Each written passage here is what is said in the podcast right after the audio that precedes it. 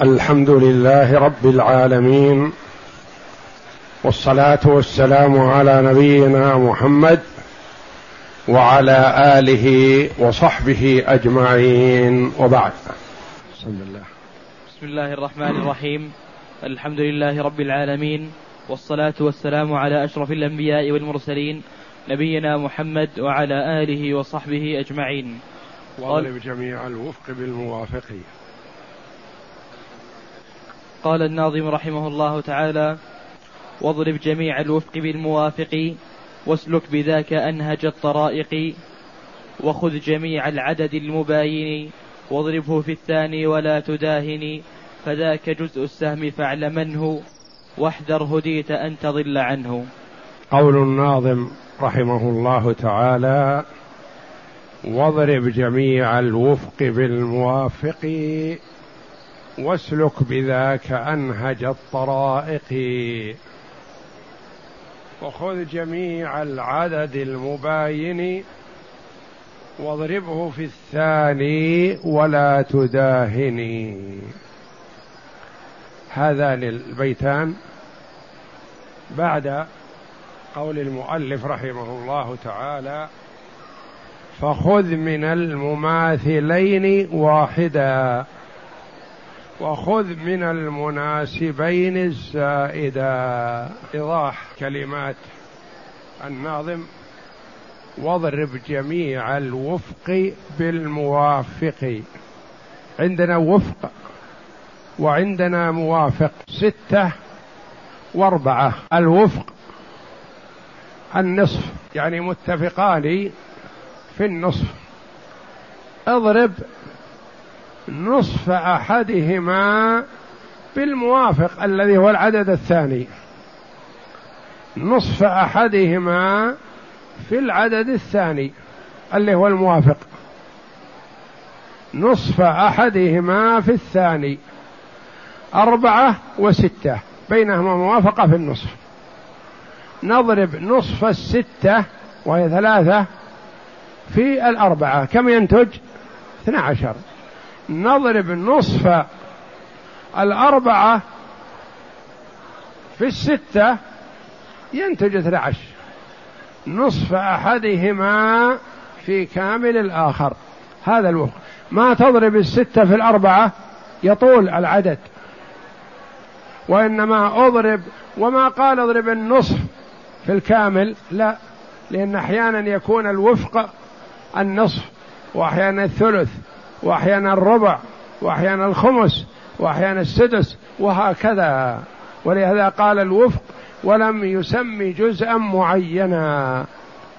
مثلا عشرة واثنان. الوفق بينهما النصف عشرة واثنان. عشرة واثنان يعني مداخلة وليست وليس فيها وفق لأن الاثنان نصفها واحد. والعشرة نصفها خمسة. تضرب مثلا اثنان في الخمسة هي نتيجتها هي واحدة. أو إنما إذا كان أربعة وثمانية مثلا كذلك مداخلة. أربعة وستة موافقة. أربعة وعشرة موافقة. تضرب نصف أحدهما في كامل الآخر. أربعة وعشرة بينهما موافقة في النصف. نصف الأربعة اثنان ونصف العشرة خمسة. تضرب اثنين في عشرة. ينتج نتيجة الضرب عشرون وهكذا. نصف يعني وفق أحدهما في كامل الآخر. وفق أحدهما. مثلا اثنا عشر وستة عشر. اثنا عشر وستة عشر. ليس بينهما مداخلة. وليست متماثلة. وإنما مباي موافقة. موافقة. اثنا عشر وستة عشر. كم نصف الاثنى عشر ستة. ونصف الستة عشر ثمانية. بينهما موافقة في النصف. فتأخذ نصف أحدهما وتضربه في كامل الآخر. فتقول مثلا نصف الاثنى عشر ستة ونصف الستة عشر ثمانية. نصف الست اللي هي الستة تضربها في الثمانية فينتج ستة في ثمانية ثلاثة في ثمانية بأربعة وعشرين ثمانية وأربعين. يكون جزء السهم في هذا مثلا ست ثمانية وأربعين. نصف أحدهما أو ثلث أحدهما مثلا إذا كانت أربعة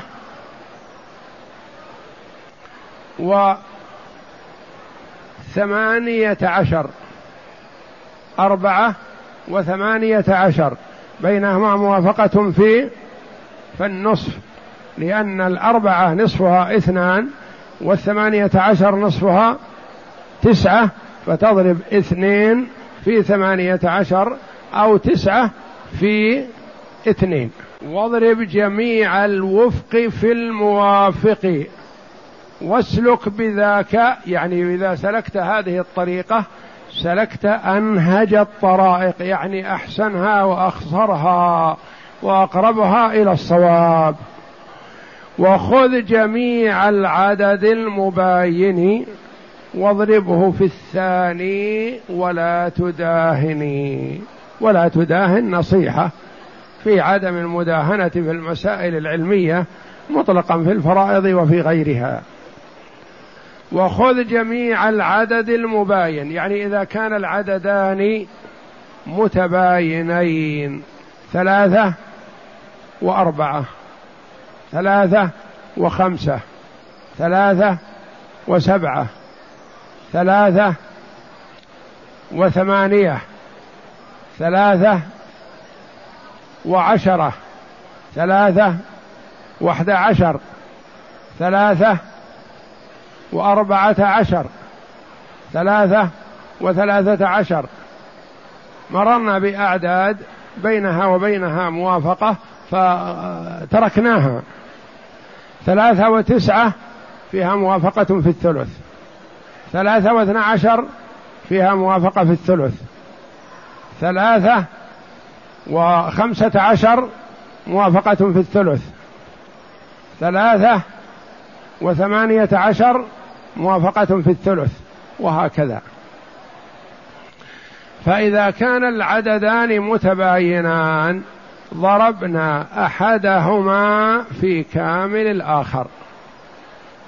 مثلا خمسة وثلاثة ما بينهما موافقة ولا مداخلة ولا مماثلة وإنما هما متباينان. فنضرب خمسة في ثلاثة بخمسة عشر وهذه تكون عبارة هي جزء السهم يضرب به مصح المسألة أصل المسألة أو عولها أو مبلغ عولها. واضرب جميع الوفق بالموافق واسلك بذاك أنهج الطرائق وخذ من العدد وخذ جميع العدد المباين واضربه في الثاني ولا تداهني.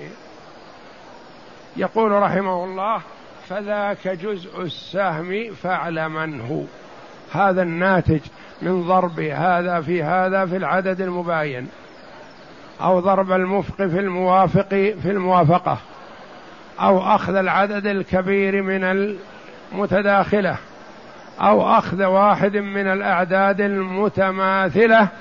هذاك هو جزء السهم. ماذا يصنع به؟ يضرب في أصل المسألة أو مبلغ عولها إن كانت عائلة والناتج هو مصح المسألة ولا بد أن ينقسم على الورثة تماما إذا اتخذت هذه الطريقة. فذاك جزء السهم فاعلمنه واحذر هديت أن تضل عنه. احذر أن تغلط في هذا. إذا غلطت في هذا صارت عمليتك كلها من أولها غلط إلى آخرها. وإذا مشيت خطوات صحيحة فالنتيجة لا بد وأن تكون صحيحة. وخلاصة هذا أن الفرضي عند عدم انقسام النصيب على الورثة. يكون الكسر حينئذ يكون منكسر. فإن كان الانكسار على فريق واحد نظرت بين السهام والرؤوس ولا يخلو من أمرين إما الموافقة وإما المباينة ولا ثالث لهما غير مسألة الانقسام. حنا قلنا انكسار. مع الانكسار يكون أحد أمرين إما الموافقة وإما المباينة. فعند الموافقة تأخذ الوفق وعند المباينة تأخذ كامل الرؤوس. هذا الانكسار على فريق واحد. عند الموافقة تأخذ الوفق من الرؤوس. وعند المباينة تأخذ كامل الرؤوس فتضربها في أصل المسألة أو مبلغ عولها ومنه تصح المسألة. إذا كان الانكسار على أكثر من فريقين ويكون الانكسار على فريقين وعلى ثلاثة وعلى أربعة وهذا نهاية الانكسار. فإذا كان الانكسار على فريقين فأكثر فللفرضي نظران. النظر الأول بين السهام والرؤوس ولا يخلو من أمرين موافقة أو مباينة. ثم النظر الثاني بين المثبتات التي مثبتات من الرؤوس. لأنك ما تقول النظر الثاني بين الرؤوس بعضها مع بعض بين المثبت من الرؤوس لأن الرؤوس قد تكون عشرة. وعند الموافقة مع السهام أثبتت خمسة. فتنظر بين المثبتات ولا يخلو من واحد من أربعة. إما المماثلة كان تكون ثلاثة وثلاثة وثلاثة. خمسة وخمسة وخمسة. أربعة وأربعة وأربعة. ففي هذه الحال تأخذ واحد منها من المتماثلة. الحال الثاني أن تكون متداخلة. اثنان وأربعة. أربعة وثمانية. أربعة واثنى عشر. فتأخذ العدد الكبير من المتداخلة. الحال الثالثة التوافق. التوافق بأن تتفق في جزء من الأجزاء كأربعة وستة وستة وثمانية وثمانية وعشرة وسبعة وأحدى وعشرين وسبعة وأربعة عشر وثمانية وثمانية عشر وثمانية وعشرين. وهكذا تتفق في جزء من الأجزاء. وهذه الأجزاء إما النصف وأما الثلث أو الربع أو الخمس أو العشر إلى آخره. فتضرب وفق أحدهما في كامل الآخر والناتج يكون هو جزء السهم. أما في حال المباينة فتضرب كامل أحدهما في الآخر والناتج هو جزء السهم يضرب في أصل المسألة والناتج هو مصح المسألة. والمتوافقان كأم وخمسة عشر أخا لأم وعشرة أعمام. أقول يقول يقول أقول إذا كان الكسر على فريقين فقط. أقول إذا كان الكسر على فريقين فقط وحفظت عدد الفريق وحفظت عدد الفريق الذي باينت باي باينته سهامه ووفق الفريق الذي وافقته سهامه فانظر في المحفوظين المثبتين فإن كانا متماثلين فخذ أحدهما وإن كانا متناسبين فخذ الزائد منهما وإن كانا متوافقين فاضرب وفق أحدهما في جميع الآخر وإن كانا متباينين فاضرب جميع أحدهما في جميع الآخر. فالحاصل في كل حالة من الحالات الأربع هو جزء سهم المسألة فاضربه في أصلها إن لم يكن عائلا وفي مبلغه بالعول إن كان عائلا يحصل التصحيح. وهو العدد الذي يصح منه قسم المسألة فاقسمه على الورثة كما سنبينه. فالمحفوظات المتماثلات كأم وخمسة إخوة لأم وخمسة أعمام أو خمسة عشر عما. انظر. كأم وخمسة إخوة لأم وخمسة أعمام. المسألة من كم؟ من ستة. للأم السدس واحد لوجود الجمع من الإخوة. وللإخوة لأم الثلث اثنان. ولل أعمام الباقي وهو ثلاثة. ننظر بين الرؤوس والسهام. الأم سهمها واحد ورأسها واحد. منقسم عليها.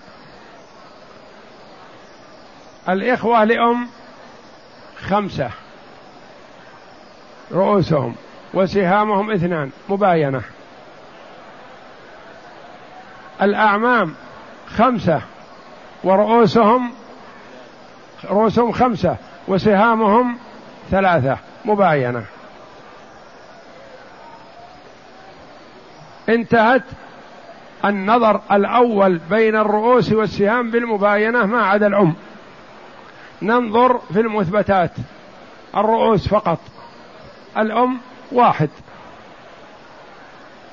الإخوة لأم خمسة. الأعمام خمسة. خمسة وخمسة متداخلة. فأنا أكتفي ب آه متماثلة. متماثلة. نكتفي بواحدة منها. فنضرب خمسة في ستة التي هي أصل المسألة فتصح من ثلاثين. نعطيهم للأم واحد في خمسة بخمسة. للإخوة لأم اثنان في خمسة بعشرة وهم خمسة لكل واحد اثنان. للأعمام ثلاثة في خمسة بخمسة عشر لكل واحد ثلاثة. وهي سواء كانت من ستة أو صحت من ثلاثين النصيب ما تغير. الأم أخذت واحد من ستة تأخذ خمسة من ثلاثين الذي هو السدس. الأعمام لهم ثلاثة من ستة أخذوا خمسة عشر من ثلاثين ما تغير. قال أو خمسة عشر عما مثلها؟ نعم ما يتغير. لأن إذا قلنا خمسة عشر عم كم سهامهم؟ سهامهم ثلاثة ورؤوسهم خمسة عشر. بين الخمسة عشر والثلاثة موافقة. موافقة بماذا؟ بالثلث. نثبت وفق الرؤوس. بدل ما هي خمسة عشر نثبت وفقها وهو خمسة. ثم تكون متدا متماثلة مع رؤوس الإخوة لأم. نعم. وكأم وعشرة إخوة لأم وخمسة عشر عما. مثل ما تقدم إلا أن عشرة الإخوة لأم نتيجة النظر بين السهام والرؤوس السهام اثنان والرؤوس عشرة بينهما موافقة بالنصف. فأثبتنا وفق الرؤوس وهو خمسة. والأعمام خمسة عشر وسهامهم ثلاثة. أثبتنا وفق الرؤوس وهو خمسة. فصارت خمسة وخمسة وواحد رأس الأم. نعم. جزء سهمهما خمسة في الصور الثلاث وتصح من ثلاثين. المتناسبان كأم وأربعة إخوة لأم وأربعة أعمام أو اثني عشر عما. جزء سهمهما أربعة وتصح كأم وأربعة إخوة لأم وأربعة أعمام أو اثني عشر عما سيان أم وأربعة إخوة لأم وأربعة أعمام. المسألة من كم؟ من ستة. للأم السدس واحد. وللإخوة لأم اثنان. ورؤوسهم أربعة. وللأعمام الباقي ثلاثة. ورؤوسهم أربعة أو اثني عشر سيان ننظر بين السهام والرؤوس. نجد سهام الإخوة لأم كم؟ نجدها اثنين. ورؤوسهم أربعة. بينهما موافقة بالنصف فنثبت وفق الرؤوس. نثبت اثنين. ننتقل للأعمام. نصيب الأعمام كم؟ ثلاثة. ورؤوسهم أربعة. مباينة. ما في موافقة. أثبتنا الأربعة والأربعة الأربعة والاثنين وجدنا بينهما مداخلة. فالاثنين داخلة ضمن الأربعة. أخذنا الأربعة وضربنا بها المسألة. وإذا كان الأعمام مثلا اثنا عشر عم ورؤوسهم ثلاثة بينهما موافقة بالثلث فثلث الاثني عشر أربعة يكون مثل رؤوس الإخوة لأم يعني أربعة ورؤوس الإخوة لأم المثبت منها اثنان الوفق. فتكون الاثنين داخلة ضمن الأربعة. نعم. جزء سهمهما أربعة وتصحان من أربعة وعشرين. والمتوافقان كأم وخمسة عشر أخا لأم وعشرة أعمام أو ثلاثين عما. انظر. الموافقة كأم وخمسة عشر أخا لأم وعشرة أعمام أو ثلاثين عما سيان. أم وخمسة عشر أخ لأم وعشرة أعمام. المسألة مثل ما تقدم من ستة. للأم السدس واحد. وللإخوة لأم الثلث اثنان. وللأعمام الباقي ثلاثة. ننظر بين الإخوة لأم خمسة عشر. وسهامهم كم؟ اثنان. مباينة. ننظر بين الأعمام عشرة ورؤوسهم وسهامهم ثلاثة. مباينة. أو ثلاثين عما. إذا كانت ثلاثين عما ننظر بين الثلاثين والثلاثة نجد بينهما موافقة في الثلث وهو ثلث الثلاثة واحد وثلث الثلاثين عشرة يثبت عشرة. ننظر بين المثبتات. رؤوس الإخوة لأم خمسة عشر. والمثبت للأعمام عشرة. بينهما موافقة بماذا؟ خمسة عشر وعشرة موافقة بالخمس. خمس العشرة اثنان وخمس الخمسة عشر ثلاثة. نضرب اثنين في ثلاثة الوفق. أضرب جميع الوفق في بالموافق. عندك خمسة الأعمام كم قلنا أثبتنا لهم عشرة والإخوة لأم أثبتنا لهم خمسة عشر.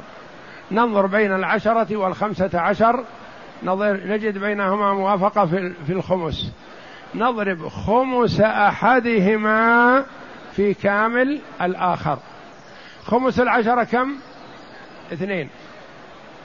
تضربها في الخمسة عشر. أو خمس الخمسة عشر كم؟ ثلاثة. تضربها في كامل العشرة. النتيجة واحدة. يكون جزء السهم ثلاثون. الثلاثون هذه تضربها في مصح في أصل المسألة ستة. ستة في ثلاثين بمئة وثمانين. ومنها تصح. وكأم وثلاثين أخا لأم وعشرة أعمام أو ثلاثين عما. مثلها ما تختلف مناسبة. نعم.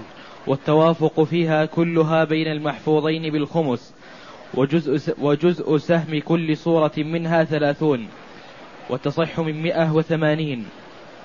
هذا في حال الموافقة في حال المباينة. كأن تكون الرؤوس بعضها مع بعض متباينة ما تتفق في جزء من الأجزاء. كأن تكون الرؤوس ثلاثة وخمسة أو ثلاثة وسبعة أو اثنين وخمسة أو اثنين وثلاثة متباينة. فنضرب أحدهما في الكامل الآخر ويكون هو جزء السهم يضرب في أصل المسألة. نعم. والمتباينان, والمتباينان كأم وثلاثة إخوة لأم وعمين. نعم. أو كأم وثلاثة إخوة لأم وعمين. المسألة من كم؟ من ستة. للأم السدس واحد. وثلاثة الأخوة لأم لهم الثلث اثنان. والعمان لهم الباقي. ثلاثة. ننظر بين الإخوة لأم رؤوسهم وسهامهم. نجد سهامهم اثنان ورؤوسهم كم؟ ثلاثة. مباينة. أثبتنا جميع الرؤوس. ننظر في الأعمام. رؤوس الأعمام اثنان. وسهامهم ثلاثة. مباينة. ننظر بين الرؤوس بعضها مع بعض. نجد الأعمام رأسان ونجد الإخوة لأم ثلاثة ثلاثة واثنان مباينة. نضرب ثلاثة في اثنين بكم؟ ثلاثة في اثنين بستة ستة في ستة بست وثلاثين. نعم. والمتباين. والمتباينان كأم وثلاثة إخوة لأم وعمين. أو ستة أعمام وكأم وستة إخوة لأم وعمين أو ستة أعمام. جزء سهم كل صورة منها ستة وتصح من ستة وثلاثين.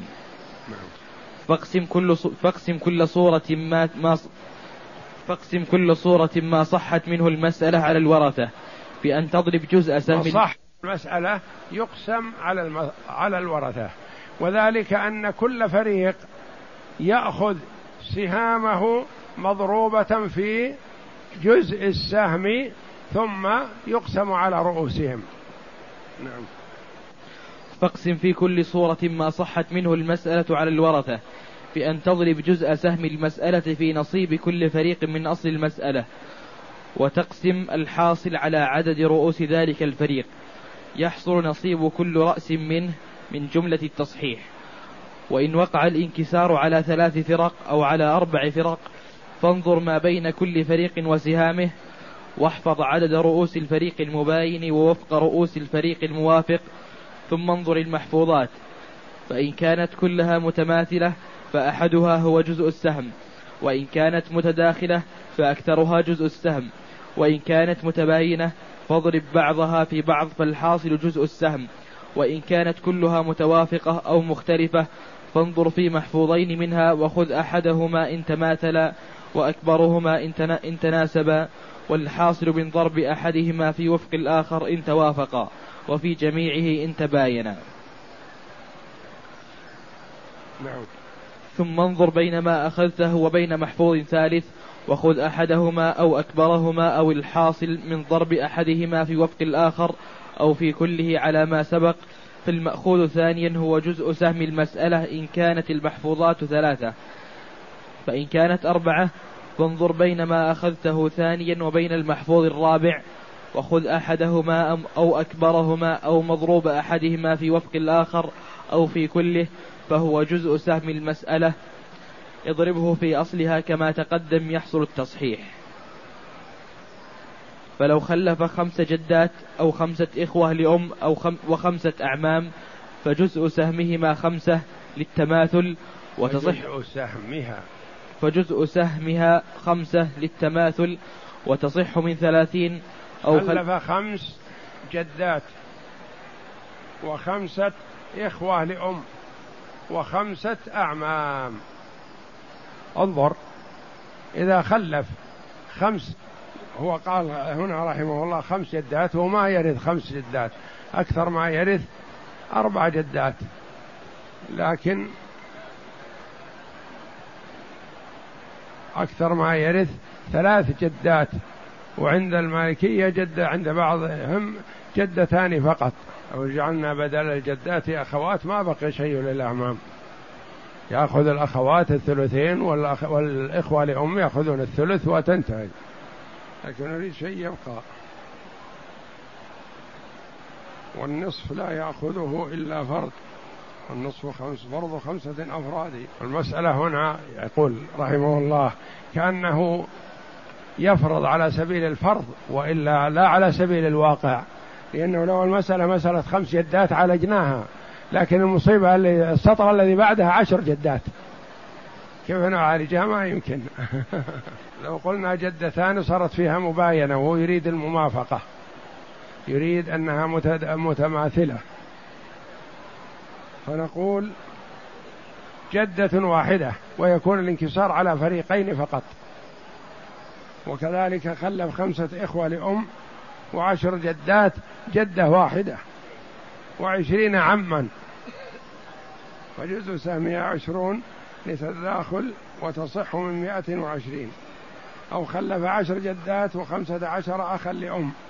يعني على سبيل الفرض رحمه الله وإلا فلا يكون هذا. ويصح هذا يعني مثلا على سبيل أن هذا فرض. يعني لو وجد هذا وهو ما يوجد لكن لو على سبيل الفرض. فكيف الحل؟ نقول خمس جدات وخمسة إخوة لأم وخمسة أعمام. المسألة من ستة. للجدات السدس واحد. وللإخوة لأم الثلث اثنان وللأعمام الباقي ثلاثة واحد واثنين وثلاثة. ننظر بين الرؤوس والسهام. نصيب الجدات واحد ورؤوسهن خمسة منكسر. نصيب الإخوة لأم اثنان ورؤوسهم خمسة منكسر. نصيب الأعمام ثلاثة ورؤوسهم خمسة منكسر. إذا أثبتنا الرؤوس بكاملها. ننظر بين الرؤوس بعضها مع بعض. نجدها خمسة وخمسة وخمسة متماثلة نكتفي بواحد منها. فنأخذ خمسة هي جزء السهم. نضربه في أصل المسألة ستة فتصح من ثلاثين. للجدات واحد في خمسة بخمسة لكل واحدة منهن واحد. وللإخوة لأم اثنان في خمسة بعشرة لكل واحد اثنان. وللأعمام ثلاثة في خمسة بخمسة عشر لكل واحد ثلاثة. نعم. أو خلف اللي بعده. أو خلف خمسة إخوة لأم وعشر جدات وعشرين عما. وجزء سهمه نعم. خلف عشر جدات. وعشر وعشرين عما وخمسة إخوة لأم. المسألة من ستة. للإخوة لأم الثلث اثنان وللجدات السدس واحد وللأعمام الباقي ثلاثة. ننظر بين الإخوة لأم وسهامهم مباينة. بين الجدات وسهامهن مباينة. بين الأعمام وسهامهم مباينة. أثبتنا الرؤوس بكاملها. خمس خمسة إخوة لأم وعشر جدات وعشرين عما. الخمسة داخلة ضمن العشرة والعشرة داخلة ضمن العشرين فيكون جزء السهم هو عشرون. تضرب في أصل المسألة ستة عشرين في ستة بمائة وعشرين. ومنها تصح. نعم. بعده. فجزء سهمهما, سهمهما عشرون للتداخل وتصح مئة وعشرين. أو خلف عشر جدات وخمسة عشر أخا لأم وخمسة, وخمسة, وخمسة وعشرين عما. فجزء سهمهما سهمها. فجزء سهمها مئة وخمسون للتوافق بين الرؤوس بالخمس وتصح من تسعمائة ولو خلف جد التوافق بين الرؤوس بالخمس. عشر جدات خمسها اثنان. وخمسة عشر أخا لأم خمسها ثلاثة. وخمسة وعشرين عما خمسها خمسة. فهي متوافقة جميع في الخمس. فجزء سهمها مئة وخمسون للتوافق بين الرؤوس بالخمس وتصح من تسعمائة. نعم ولو خلف. أو خلف عشر جدات وخمس لا لا. ولو خلف جدتين وثلاث إخوة لأم وخمسة أعمام. أو جدتين وستة, وستة إخوة لأم وخمسة عشر عما. فجزء سهم كل من سهم كل من الصورتين ثلاثون لتباين المحفوظات وتصح من مئة وثمانين. مئة وثمانين لأن جزء السهم ثلاثون ثلاثة في ستة بثمانية عشر مئة وثمانين. نعم. ولو خلف. ولو خلف أربع زوجات وثمان جدات وستة عشر أخا لأم وأربعة أعمام. فأصلها اثنا عشر ووقع الكسر فيها على أربع فرق. وجزء سهمها هذه ولو خلف أربع زوجات هذه إن شاء الله تأتي ونكتبها بالورق ونوضحها أكثر. هالك عن جدتين. اكتبها عندك أسهل. وأربعة إخوة لأم. وستة أعمام. أقسم. المسألة من ستة. للجدتين السدس واحد. وللأربعة الإخوة لأم.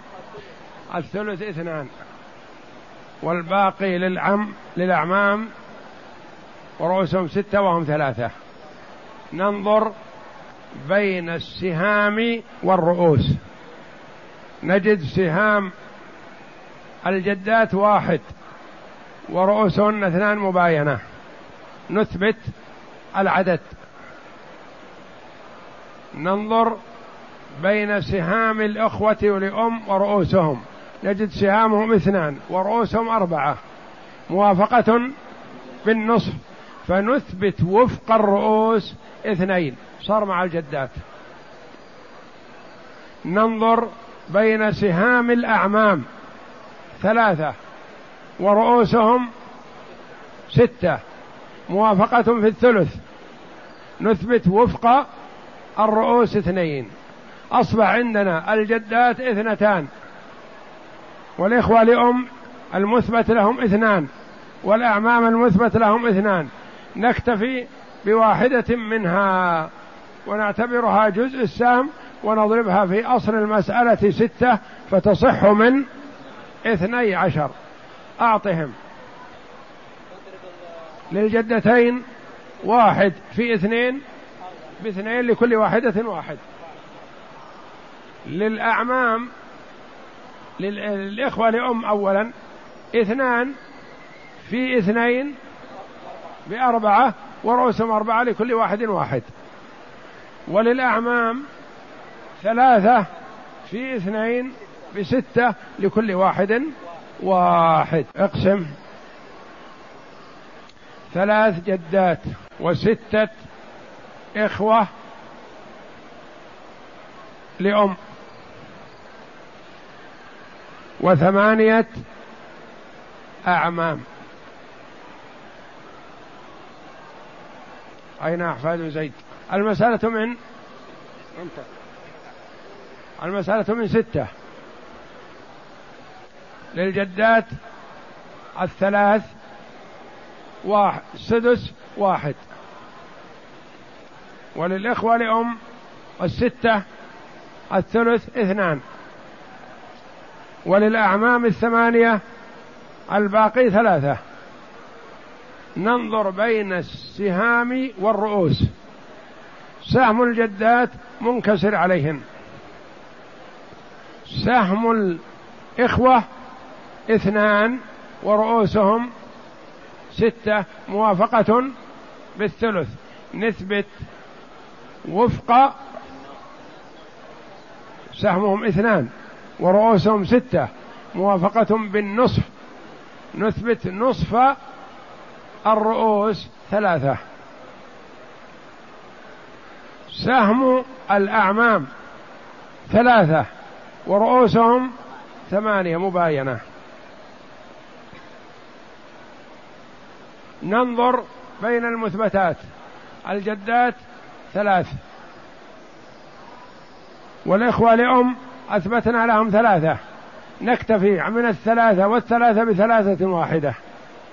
ننظر بين الثلاثة التي بأيدينا مع رؤوس الأعمام ثمانية. نجدها مباينة.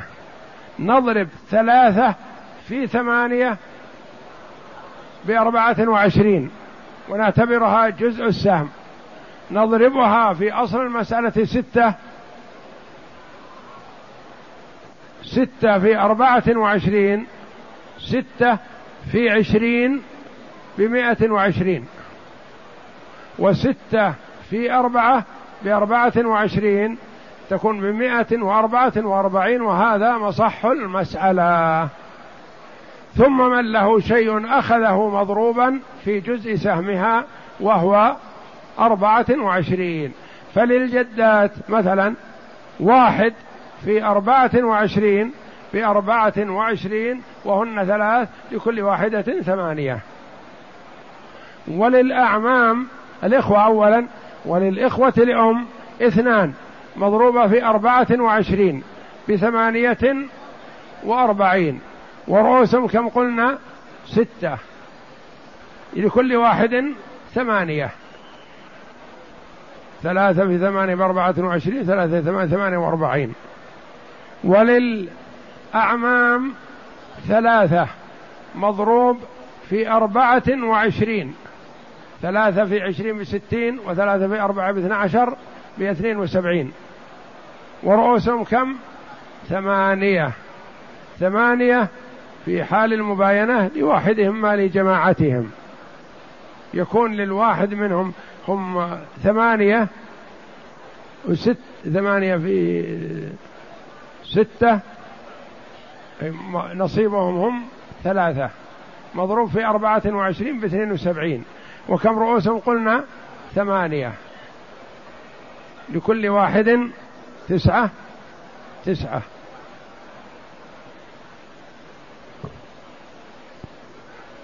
ثمانية. ثمانية في تسعة باثنين وسبعين. وهكذا. وكما قدمت لكم يصور الإنسان مسائل وإذا انكسر معه العدد ورأى أنه سيتضاعف ويشق عليه يمسحه ويضع العدد اللي يناسب له لأنه تصوير. قبل أن يمتحن في المسائل الواقعية. يكون يعني يدرب نفسه على مسائل يضعها هو ويعدل ما يقبل التعديل. ولا يشق على نفسه ويجعل مصح المسألة مثلا عشرة آلاف وثمانمائة وثلاثين وأربعين وهكذا. يجعلها بحيث أنها تكون متناسبة في حال الموافقة وفي حال المداخلة وهكذا. يمسح بدل ما تكون الجدات مثلا يقول عشر اجعلها ثلاث. اجعلها اثنتين. الأخوات لأم بدل ما يكن مثلا خمسة عشر اجعلها ثمان. علشان يتناسب معك القسمة وهكذا. والله أعلم. وصلى الله وسلم وبارك على عبده ورسول نبينا محمد وعلى آله وصحبه أجمعين.